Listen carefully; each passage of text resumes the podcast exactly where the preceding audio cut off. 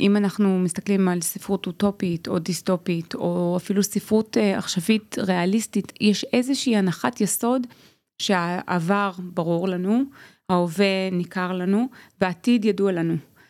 אנחנו רואים ספרות חדשה שקוראת תיגר למוסכמה הזו שהעתיד ידוע מראש ושאנחנו יודעים בדיוק לאן אנחנו הולכים להגיע.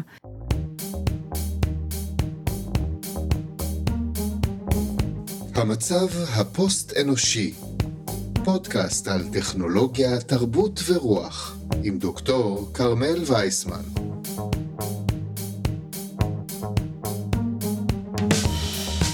שלום, אני כרמל וייסמן, והיום נחקור מה הפוסט-הומניזם עושה ליצירה התרבותית העכשווית. נדבר על איך ולמה הנוסחאות הכי בסיסיות והכי עתיקות של סיפורים מתפרקות עכשיו. על סייבורגיות במוזיקה, פוטוריזם אפריקני, היסטוריות חלופיות ועתידים לא ידועים. האורחת שלנו היום היא דוקטור קרן עומרי. אני חוקרת ומלמדת בחוג לשפה וספרות אנגלית באוניברסיטת חיפה. חוקרת אה, מדע בדיוני, ספרות אפרו-אמריקאית והיסטוריה אלטרנטיבית. תודה לספריית בית אריאלה שהפרק הזה הוקלט באולפן שלה. יאללה, מתחילות. Self-destruct initiated.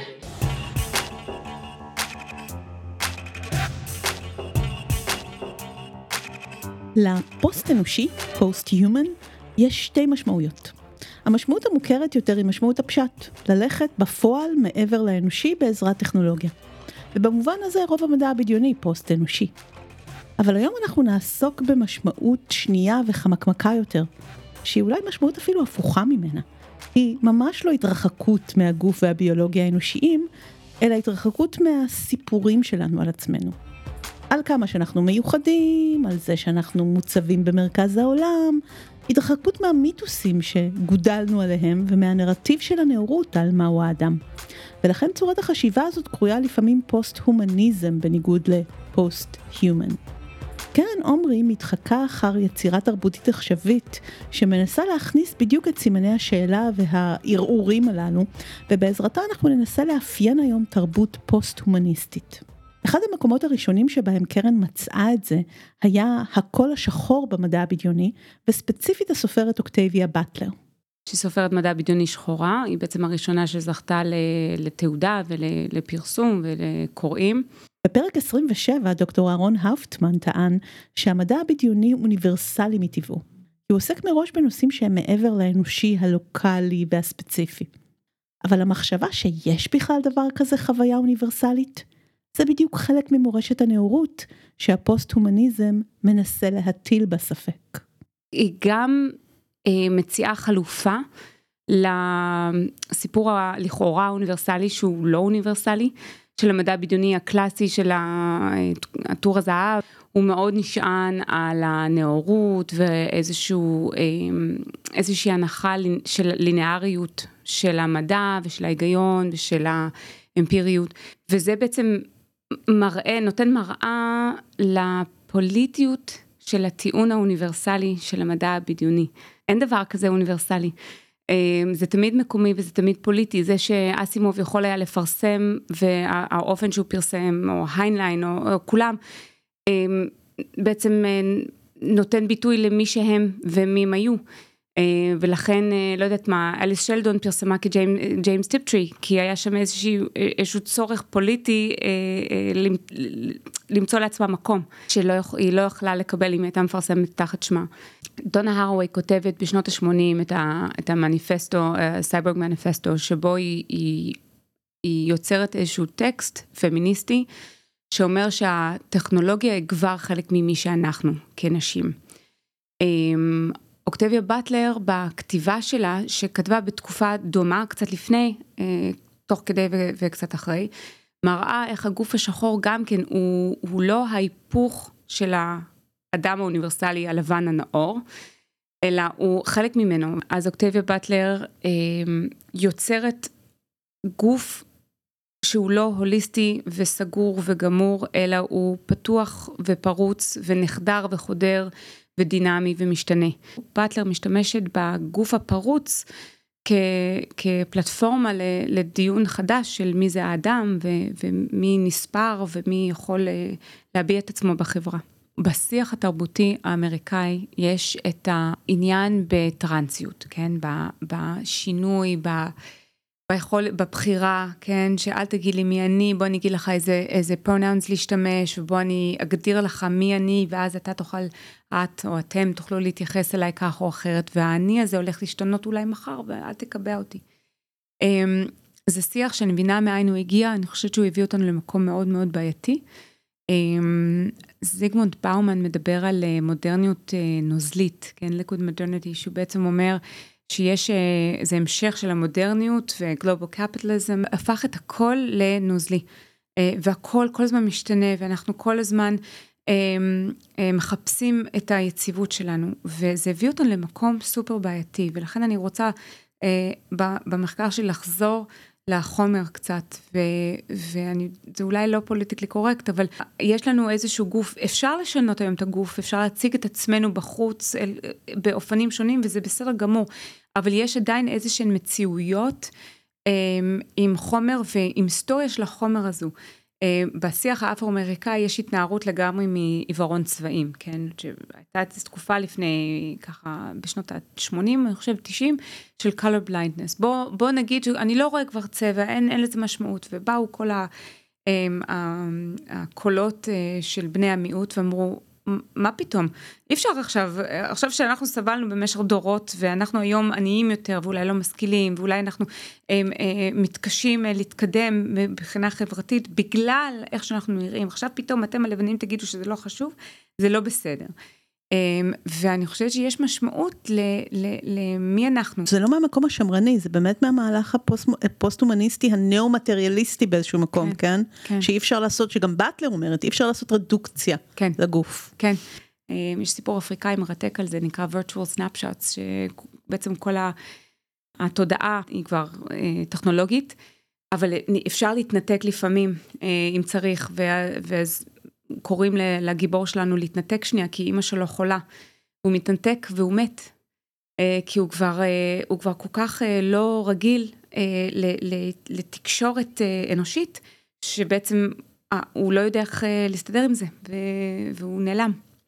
זה עוד משהו שאני התחלתי ממש לאחרונה ככה להיחשף אליו, זה ספרות מדע בדיונית אפריקאית. זה לא אפרו-אמריקאי, זה משהו מאוד שונה, אז מדברים המון על אפרו-פיוטריזם, אבל עכשיו יש מושג חדש שהתוותה אה, נדיה קורפור, שהיא סופרת אה, במקור ניגרית, אבל, אה, אבל חיה בארצות הברית. היא כתבה על הגון, שזה ספר מאוד מומלץ ומאוד מעניין, על חייזרים מפגש ראשון בניגריה, בלגוס. כן, ו... כי למה שהם יבואו דווקא לניו יורק תמיד? ממש. או ללונדון. בדיוק, בדיוק. זה ספר כל כך מעניין. אז נדיה קורפור המציאה את המושג הזה, African Futurism, במילה אחת. וזה נראה כאילו לא דה, כאילו לא, אין פה איזה סיפור גדול, אבל, אבל זה שונה מאפרו-פיוטריזם, שזה אה, תחום שיח אמריקאי. ואפילו אחת השאלות ש, ש, ששאלתי שם, ש, שדנו בו, זה אפריקה זה יבשת שלמה, אז מה, מה זה אומר? African futurism זה לא Nigerian futurism ו Senegalese futurism ו Egyptian futurism, מה זה ה African הזה? Black Panther הסרט זה דוגמה גם נהדרת לאפרו-פיוצ'ריזם. מדמיינים אפריקה עם מסלול זמן התפתחות שונה ממה שאנחנו מכירים מההיסטוריה שלנו. שבה הטכנולוגיה כן נמצאת שם ויש איזו חגיגה של התרבות האפריקאית המקומית שלא עברה דרך הנאורות האירופאית ובכל זאת הגיעה להישגים מטורפים. לוקחים את המדע הבדיוני, את הפורמט של המדע הבדיוני ואומרים, זה מאפשר לנו לדמיין עתיד, כאשר בהיסטוריה לא אפשרו לנו לדמיין עתיד. אם הם הגיעו ל... לאותה טכנולוגיה ואולי אפילו יותר, ולא דרך המסלול של הנאורות, אז איך? האם כאילו דרך המסלול של הקסם, כי השאירו את החשיבה המאגית ודווקא יש קשר בין טכנולוגיה לקסם, שאולי הנאורות שברה והזיקה לו? יש איזה אלמנט אצלם במדינה בווקנדה שהוא פשוט אה, איזשהו חומר גלם שהאדם האירופאי לא, לא גילה ולא ידע, הם שמרו את זה לעצמם ואפשר להם המון כוח. אה, ו...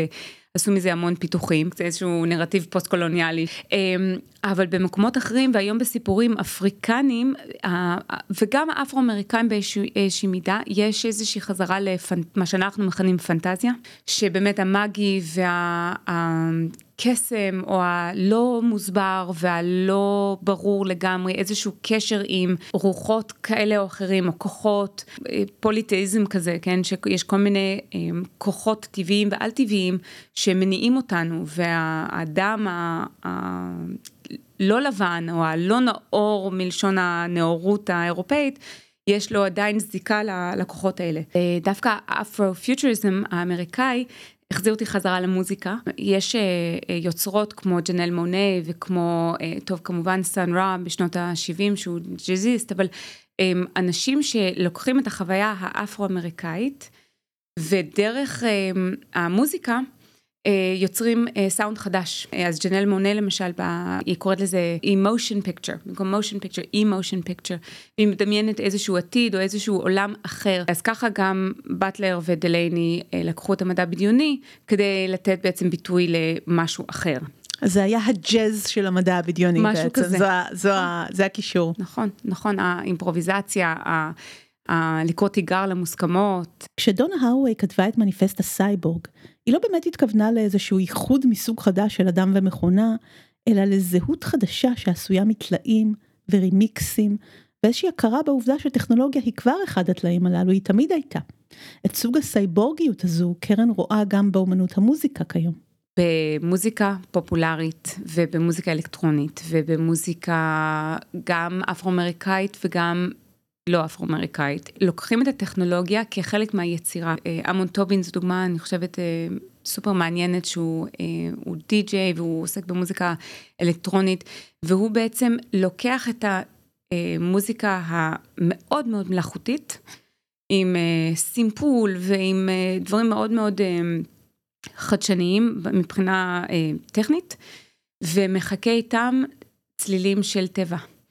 אה, וצלילים שנשמעים טבעיים אבל על טבעיים, כל מיני חריקות וצרצרים והכל זה אה, טכנולוגיה. והוא בעצם משתמש במחשב שלו ככלי אורגני, הוא לא רומנטי, הוא לא לוקח את, ה, את התפיסה הזו של רק התוף עם האור של החיה יכול ליצור אה, סאונד טבעי, אלא לוקח את הטכנולוגיה כגם משהו אנושי שנוצר עכשיו, ובאמצעות זה יוצר איזושהי מוזיקה אותנטית. שוב, מילה בעייתית, אבל, אבל אה, סופר מעניינת. הוא עצר תערוכה.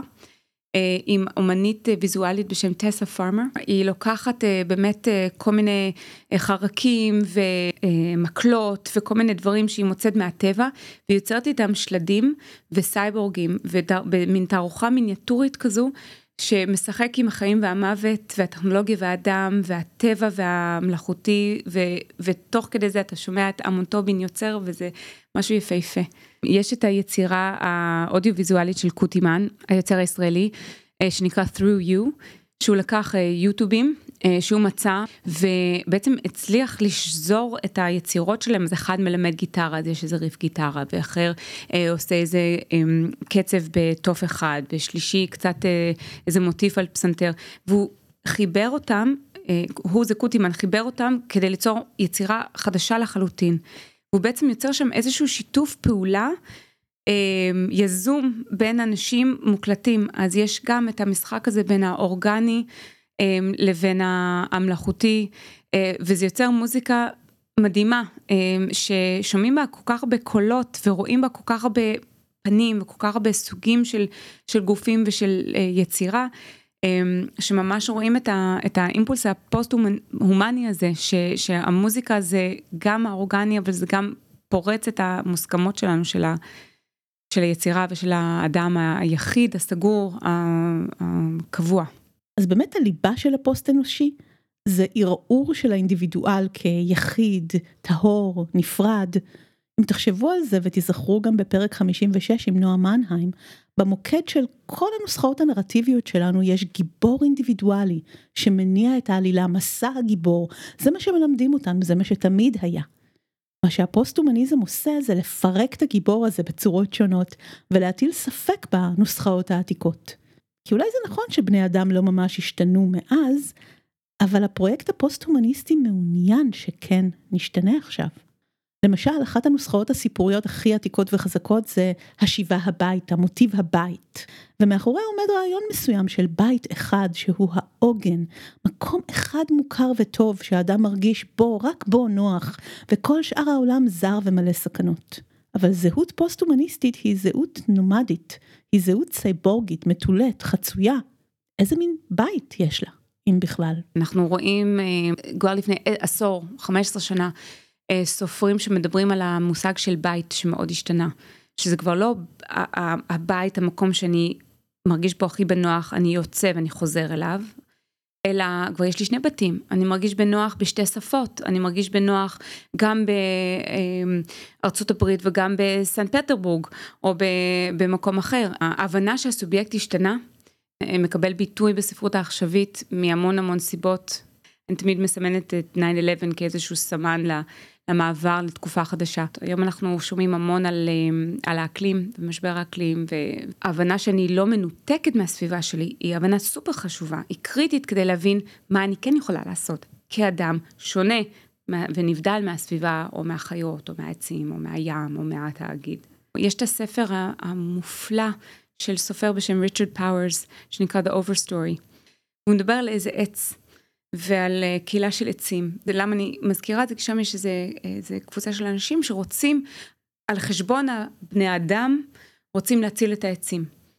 אמ, ואני חושבת שמה שהסופר שם עושה, שזה מאוד חשוב, הוא מראה שבכל זאת היצירה היא אנושית, והסדרי העדיפויות שלנו אולי בכל זאת צריכים להיות אנושיים.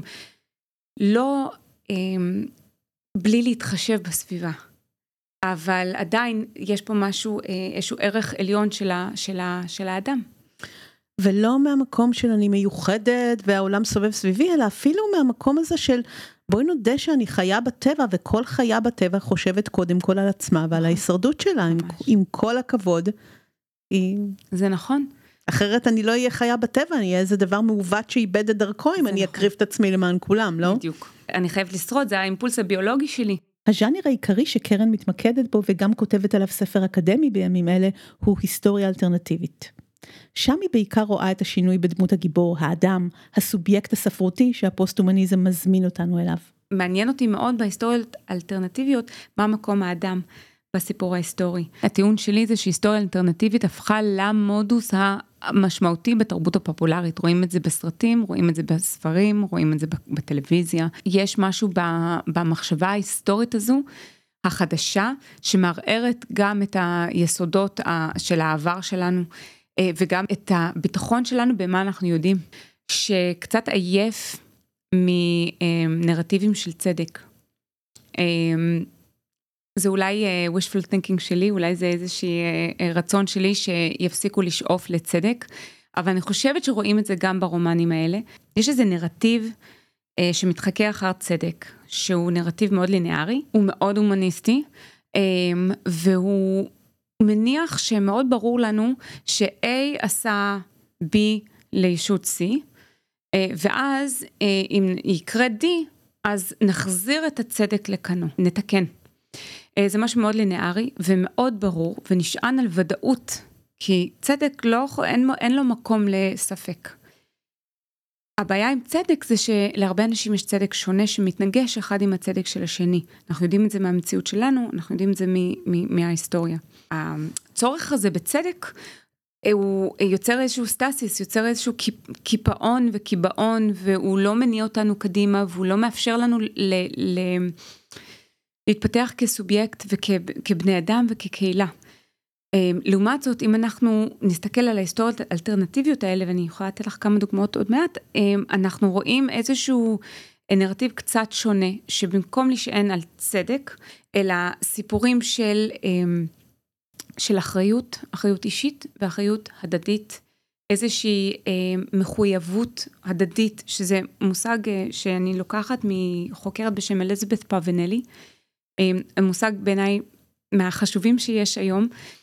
והיא אומרת שרק דרך ההבנה שאני לא נפרדת ממך מצד אחד ומצד שני אני שונה ממך, רק ההבנה הזו תוכל להביא אותנו לאיזשהו עתיד שאנחנו יכולים לחיות ביחד. ה-mutual obligation הזה שיש לנו אחד לשני, ואני אוהבת obligation, מחויבות, יותר מהמושג היום שמאוד מקובל, care. ב-care יש לנו באמת איזושהי אמפתיה, אני מבין את הכאב שלך ואני אנסה לעזור לך. אבל יש גם משהו קצת סמוי, איזושהי פטרוניות בזה, אני אטפל בך. במחויבות הדדית יש אה, אה, לא אמפתיה, אלא סימפתיה. אני לא מבין את הכאב שלך כי אני לא חווה אותו, אבל אני רואה שכואב לך, ואני יכולה אולי לעזור לך, אה, ואולי אתה תעזור לי. התנערתי קודם מצדק, אני מתנערת מאמפתיה, כי זה כל כך יומרני להניח שאני מבין את הסבל של אדם אחר או של קבוצה אחרת. וזה גם, אני חושבת, זה מתנער מאחריות, כי אם אני הבנתי את הכאב שלך, זהו, עשיתי את שלי, הבנתי אותך, I feel your pain. בעוד שאם אני, אה, אם יש לי סימפתיה אליך, אם אני יכולה אה, להבין שאני שונה ממך, ואני יכולה לשמוע אותך ולהקשיב לך, ואולי ביחד נמצא איזשהם פתרונות, אמ, אז יש לנו אחריות אחת כלפי השני, אז אנחנו יכולים לבנות משהו. הסובייקט הזה הוא תמיד קשור, אבל נפרד מהסובייקט האחר. אפשר להבין שאנחנו כרוכים אחד בשני אה, ברמה הכי יומיומית והכי מהותית, אפילו אם אנחנו עדיין נפרדים, וצריך נורא לשמור על האינטגריטי, אינטגריטי של, של הישות האישית, אבל עם זאת, אנחנו משפיעים כל הזמן אחד על השני. אני לא חושבת שהכל זה construct והכל זה performance, אלא אני חושבת שאם אני באתי אלייך היום עם כאב ראש, אז זה ישפיע עליך, אני אה, אתקשר איתך. אה, כן, כי הגוף שלי הוא, הוא משמעותי. אם אני לא אקח אקומול וכואב לי הראש היום ודיברתי שטויות בפודקאסט שלך ואני אסע הביתה, אז אולי אני אעשה תאונה ואני אשפיע על עוד אנשים. עצם הקיום שלנו משפיע על סביבה. כלומר, את אפילו אומרת, אם אנחנו חוזרות פה לעניין של האמפתיה והפתיחות לאחרים, זה לא או שאני אגואיסטית או שאני דואגת לאחרים. בזה שאני דואגת לעצמי, אני גם דואגת לאחרים ואני מודעת לקשר הזה כל הזמן, ואין את האו-או הזה בכלל. איזושהי דאגה לעצמי. אה, והבנה שהדאגה הזו משפיעה על הסביבה שלי, לי גם דאגה לאחר, איזושהי אחריות אחת לשנייה. הקשר בין שני האספקטים האלה של מי אני, אה, צריך להכיר בזה ולראות שזה תמיד משפיע על סביבה. והפתיחות הזו, זה הפוסט-הומניסטי. סיפורי צדק ורגשות כמו אמפתיה הם מנועים סיפוריים ותיקים וחזקים. עד כדי כך שזה קצת סיכון לכתוב סיפורים שהתעייפו מזה, שמציעים חלופה לזה, כאילו. אבל זה מודל לאנושיות אחרת, שפועלת אחרת מתוך ההכרה הזאת. אז אפרופו שבירת הנוסחאות לגבי בית וצדק, וזה שאנחנו קצת אחרי מערכת בחירות נוספת בישראל, בואו נדבר קצת על יצירות היסטוריה אלטרנטיבית שדמיינו משהו אחר כאן, עבורנו. כמה משמעותי המרחב הספציפי שאנחנו אה, כרגע אה, מתקיימות, מתקיימים בו, כמה זה משמעותי לרעיון הזה של ישראל ושל ישראליות, ומה הקשר בין זה ליהודיות ו- ו- וכל השאלות האלה. הרי היסטורית זה סופר חשוב, כן? מצד אחד, מצד שני, היסטורית זה לא היה ודאי בכלל שישראל תקום כאן. יש המון דוגמאות של ישראל בספרות שנוצרה במקומות אחרים, באוגנדה, בגרמניה, בדרום אמריקה, והספרים האלה בעצם שואלים את השאלה הזו של כמה, כמה חשובה האדמה והמרחב בהבנה שלנו כלאום או כקהילה. אז יש את אה, נאוה סמל, יש את אה, יואב אבני, יש את אה, לויט ידהר שהוא ספק ישראלי, ספק אנגלי היום. יש סופרת בשם סימון זליץ' שכתבה ג'ודנסטאט, כן, יודנשטאט, ששם ישראל נוצרה, אבל לא כאן, על האדמה שאנחנו מכירים, אלא פה היה איזה The Palestine Experiment, שבאיזה ככה הנף יד. אה, אה, מתנערת מהניסוי הפלסטיני הזה, כן, בפלסטין או בפלסטינה. במקום זה ישראל נוצרת בגרמניה אה, כאיזושהי חפרה של הגרמנים. ישראל שם נוצרת ב-48, אבל הסיפור מתקיים ב-88 אם אני לא טועה, והיא היסטוריונית שגייסו אותה כדי ליצור סרט מהארכיב אה, כל מיני קליפים ש, של סוף המלחמה והיווצרות המדינה הפיקטיבית הזאת. אה, והיא מנסה, היא אמורה ליצור קליפ לחגיגות ה-40 של ישראל של אז, של ה Judenstaat, כן, ה-Jewish state. והיא גם חוקרת את הרצח של בעלה. אז כמו המון מהסיפורים האלה, יש שם איזה משהו בלשי, ורואים אותה יוצרת כמו קותימן והיוטיוב שלו, בעצם לוקחת קליפים מהארכיב ושוזרת יחד סיפור חדש. ויש שם איזה ציטוט נהדר שהיא אומרת, אמ, כל, אה, כל אה, נגטיב שהיא חותכת זה כמו רצח. אמ, ורואים גם שההיסטוריה, הסיפור שמסופר הוא לא ודאי והוא construct, כן, הוא איזושהי יצירה עם מניעים פוליטיים וחלק נבזיים וחלק אה, אידיאולוגיים מצד אחד. מצד שני, כל, כל דבר שאנחנו משמיטים מהסיפור, מהנרטיב הזה, אמ, מישהו משלם את המחיר על זה. יש סיפור שלא יסופר. אני נורא אוהבת את הספרים של לוי תדהר. אני חושבת שיש משהו ב-unholy land. השאלות שהוא שואל שם על, אה, על לאום, אני חושבת אה, פותחות לנו אה, אמ, אפשרויות חדשות על, העתיד שלנו כאן. שאלות של נאמנות לאדמה, פשוט הבנה שבעיניי, אמ, זה פרשנות כבר, זה לא, זה לא תדהר עצמו כתב, אבל שהסיפור של צדק הוא בעייתי לכל הפחות. אה, ושאולי צריך למצוא אה, סיפורים אחרים של קשר בין אדם לאדם שלא בנוי על צדק. זאת אומרת, לא העם דורש צדק חברתי, החליפו את הסיסמה. לגמרי תחליפו את הסיסמה. אולי אפילו אל תדברו בסיסמאות. יש את היצירה של לריסה סנסור, היא עושה סרטים פלסטינית שגרה דנמרק, אמ, שנקרא nation estate, שבו רואים, אה, אותה היא גם משחקת בסרטים של עצמה, אמ, כדמות הריונית, שנכנסת לאיזה בניין מפואר, למעלית, והיא צריכה לבחור איזה קומה היא רוצה. ואנחנו רואים שכל מדינת פלסטין זה בעצם אה, בניין גבוה, זה איזשהו מגדל עצום, והיא עולה לבית לחם. הסרט הזה בעצם שואל את השאלה הזו איפה מותר ליצור לאום ונותן איזשהו פתרון, אני לא בטוחה שהיא התכוונה לזה ככה, כי זה גם בעייתי לחשוב על, על איזשהו מגדל, כן, אבל, אבל נותנת איזשהו פתרון פרגמטי למתח שיש היום בסכסוך על, על אדמה. את יודעת, זה מזכיר לי שהיה אה, ישראלי, איש עסקים ישראלי, איש הייטק ועסקים בשם יצחק חיות מן. ב-95, שנתן איזושהי הצעה כשהתחיל האינטרנט, זה גרם לו לחשוב שפתאום הנה יש עוד מרחב, מרחב על מרחב, והוא הביא איזושהי הצעה של אה, מעל המסגד בירושלים, אה, להקרין בהולוגרמה את בית המקדש השלישי. ואז יש על אותו מקום, גם כן בקומות, במרחב אחר, כן. והמקום עצמו, כאילו שאנחנו נלחמים על האדמה הספציפית, יכול להכיל בקומה מעל, והיא קומה וירטואלית, וזה מסתדר עם כל הכתובים על המקדש הזה, שהוא אמור להיות uh, מקדש שעשוי מאור, לא בדיוק פיזי, הוא נוחת מוכן מהשמיים, כל מיני דברים שכותבים עליו בנבואות, אז הוא יכול להיות בעצם וירטואלי באיזושהי צורה. והיום אני חושבת עם, עם טכנולוגיות כמו מציאות מדומה, כן. אפשר לבוא, את יודעת, לאיזה קיר ירוק שנמצא באותו המקום וכל אחד חווה שם את החוויה שהוא צריך כתף אל כתף, ואז אנחנו לא רבים על אדמה, זאת אומרת באמת טכנולוגיה יוצרת נכון. איזה פתרונות שכאלה. ממש יוצר פתרונות כאלה, אז יש אה, באמת את, ה, את המתח הזה בין הצורך בחומר, אבל שבעיניי משאיר אותנו תקועים. אה, לבין היכולת אה, לפרוץ את זה מצד אחד, מצד שני אי אפשר להתנגד לגמרי לחומריות. אה, וכן צריך אדמה, אז אולי אדמה אחרת. אז, אז מה שהספרות הזו עושה בצורה כל כך אה, אה, מוחשית בעיניי, היא פשוט מחפשת חלופות, אה, לפתרונות, אה, אני קוראת לזה livable frameworks, כן? אה, איזשהם מסגרות שאפשר לחיות בהן, איזשהם פשרות שכולנו יכולים לחיות איתן, אף אחד לא יגיע שוב לרעיון הזה של צדק או, או ליעד, לאוטופיה. אי אפשר, זה לא מקום אנושי בכלל.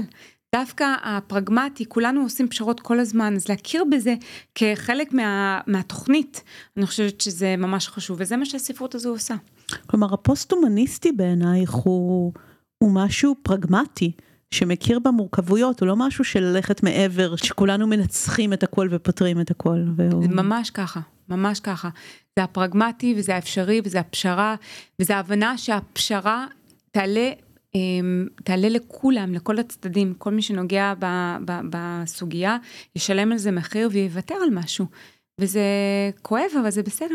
קרן רואה בהיסטוריות אלטרנטיביות באופן כללי ביטוי לסובייקטיביות פוסט-הומניסטית, בגלל היחסים שהסוגה הזאת מציעה בין האדם הבודד להיסטוריה. כל הספרים האלה שואלים את השאלה הזו, כמה אנחנו משמעותיים ביצירת הסיפור ההיסטורית? אז יש את ה-Great Man Theory של ההיסטוריה, כן, אז יש אנשים משמעותיים, כמו היטלר, כמו קנדי, כמו לי הרווי אוסוולד שרצח את קנדי, כן, יש דמויות שאם, אה, שהסיפור ההיסטורי בעצם נע בין אדם גדול לעוד אדם, לאחר, כן? האנשים האלה, התנועות שלהם והבחירות שלהם משנות את ההיסטוריה האנושית. אמ, ויש תפיסות היסטוריות אחרות, שזה בעצם התנועות מלמטה, כן? זה, ה, זה העיקרים והאנשים שכן דואגים שהממלכה תתקיים מבחינת המשאב, המשאבים שלה או לא תתקיים.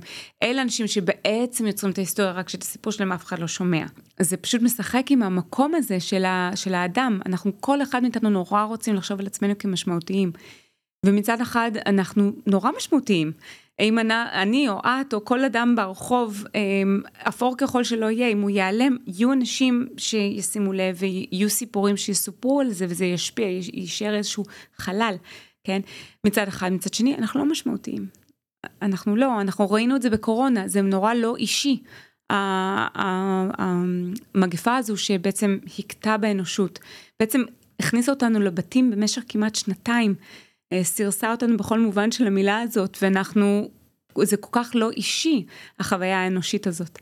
אמ, אז אני חושבת שיש משהו ב, ב, ביצירות האלה ש, שמראות לנו שזה נורא, זה בעצם מגוחך מצד אחד. היומרה הזו שהסיפור שלי הוא משמעותי. אמ, מצד שני, זה הדבר היחידי שיש לנו לעשות. זה לספר את הסיפורים שלנו וליצור חברויות אחת עם השנייה ולהבין את ה...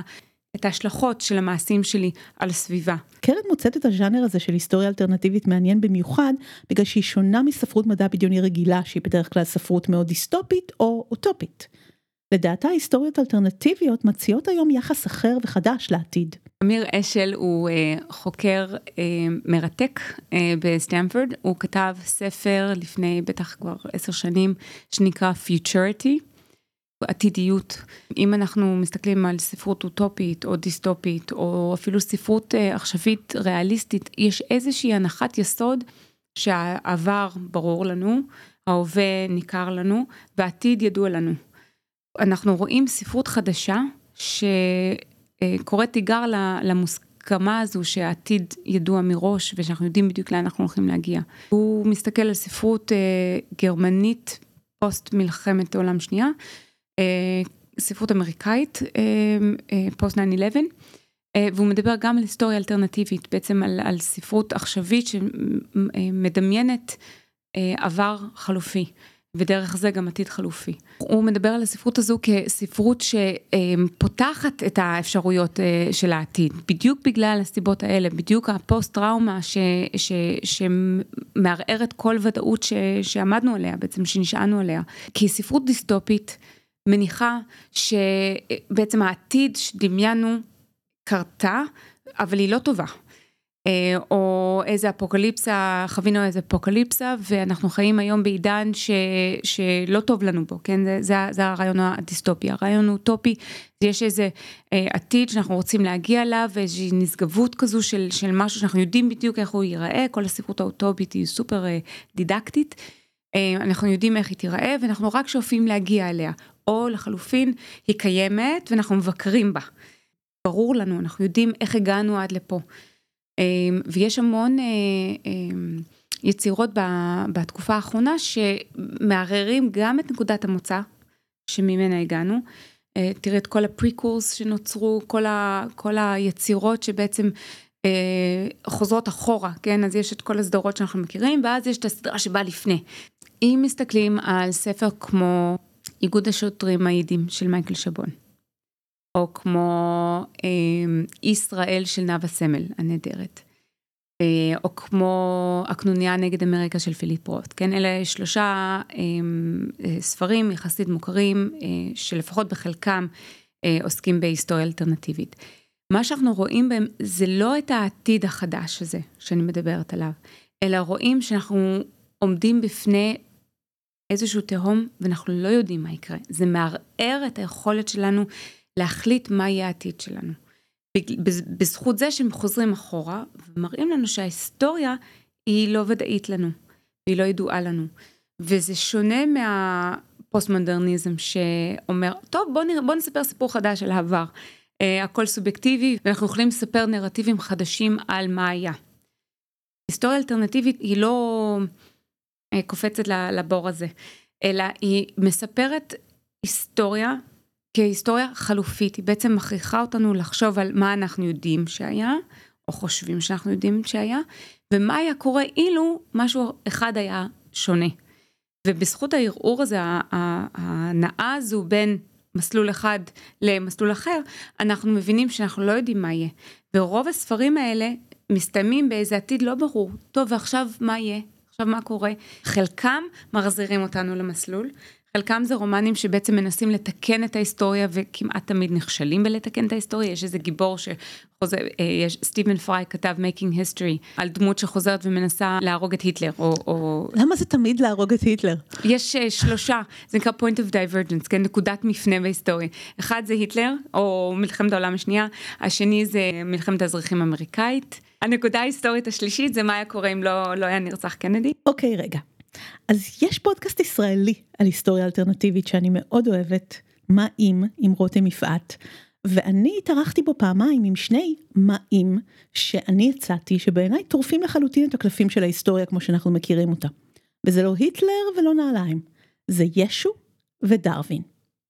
אם ישו היה מתקבל ביהדות, או אם רומא הייתה ממשיכה לרדוף את הכת הנוצרית הקטנה הזאת במקום לאמץ אותה. מי שלמדו היסטוריה או היסטוריה של המדע או אפילו תולדות האומנות, יודעים ויודעות שאין עולם מערבי בלי נצרות. אין מדע, אין אוניברסיטאות, זה מטורף לדמיין בכלל עולם כזה, כי את כל מה שיש בעולמנו היום, כל הדברים החילוניים, כן? יש לנו בגלל הנצרות.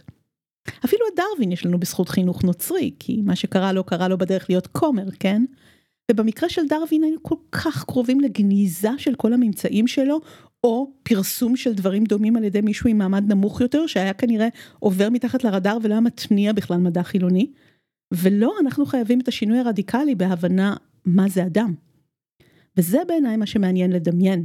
לי היה מאוד כיף לדבר על זה בפרקים של מה אם, ואולי מישהו צריך לכתוב את זה כספרים. וואו, זה ממש מעניין בגלל שגם ישו ובאיזשהו מקום דרווין, או לפחות מה שהרעיונות שלו, לאן שהם הגיעו, אי אפשר לגעת בהם כי זה מערער את, ה, את, ה, את כל היסודות של...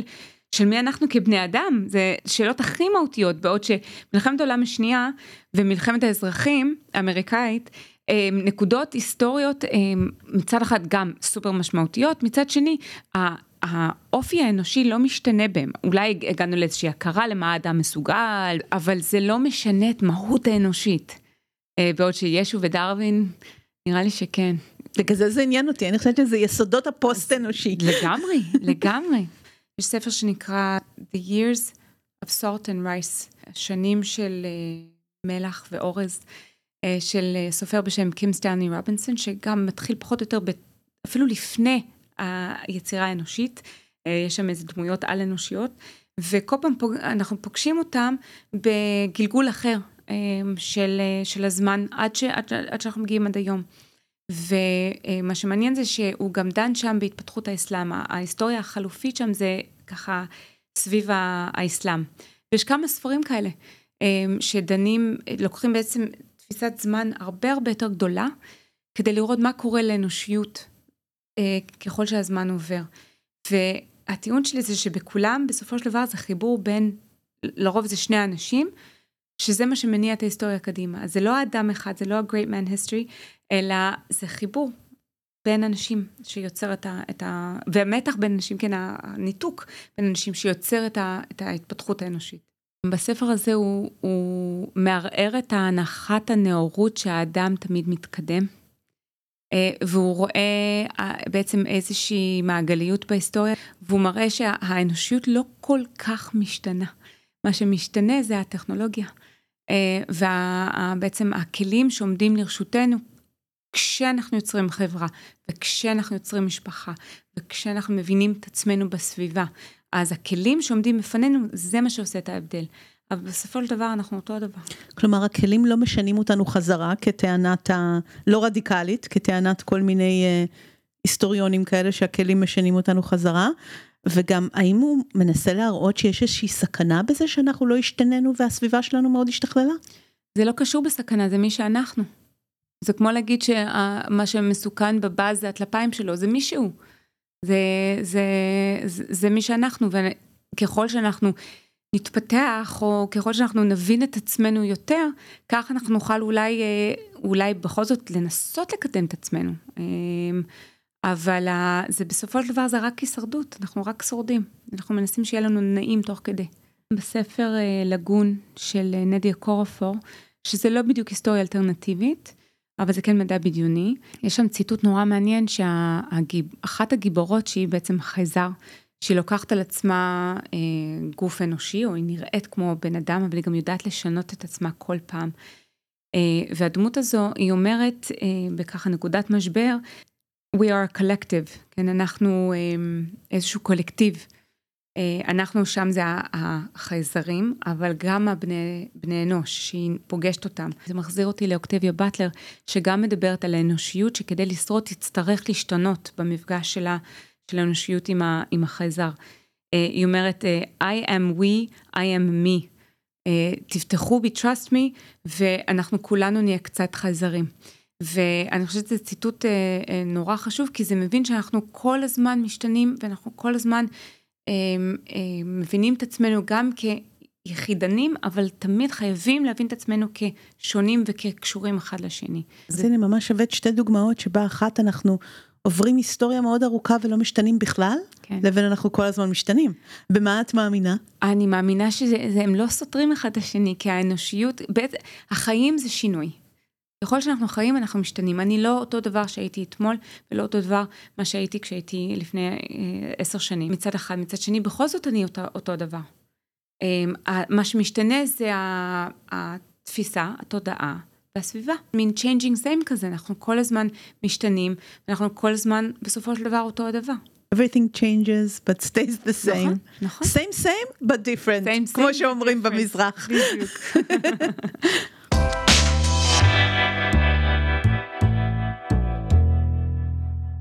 אז אם נסכם, האדם, גיבור הסיפור, לא לבד בעולם. לא משפיע לבד, ואולי לא כל כך משפיע כמו שהוא חושב בכלל. הרצונות של הדמות הזו, דברים כמו בית, אדמה, צדק, כדאי שהם יהיו פחות חזקים. בניגוד לכל אינסטינקט של איך שאומרים לכם לכתוב סיפור, דמות בסיפור, כן? כי מניעים חזקים במציאות עושים עוול גדול. והענווה מוצעת לו בדמות פשרות. הרבה פשרות. אף אחד לא מרוצה מסוף הספר, מה שנקרא.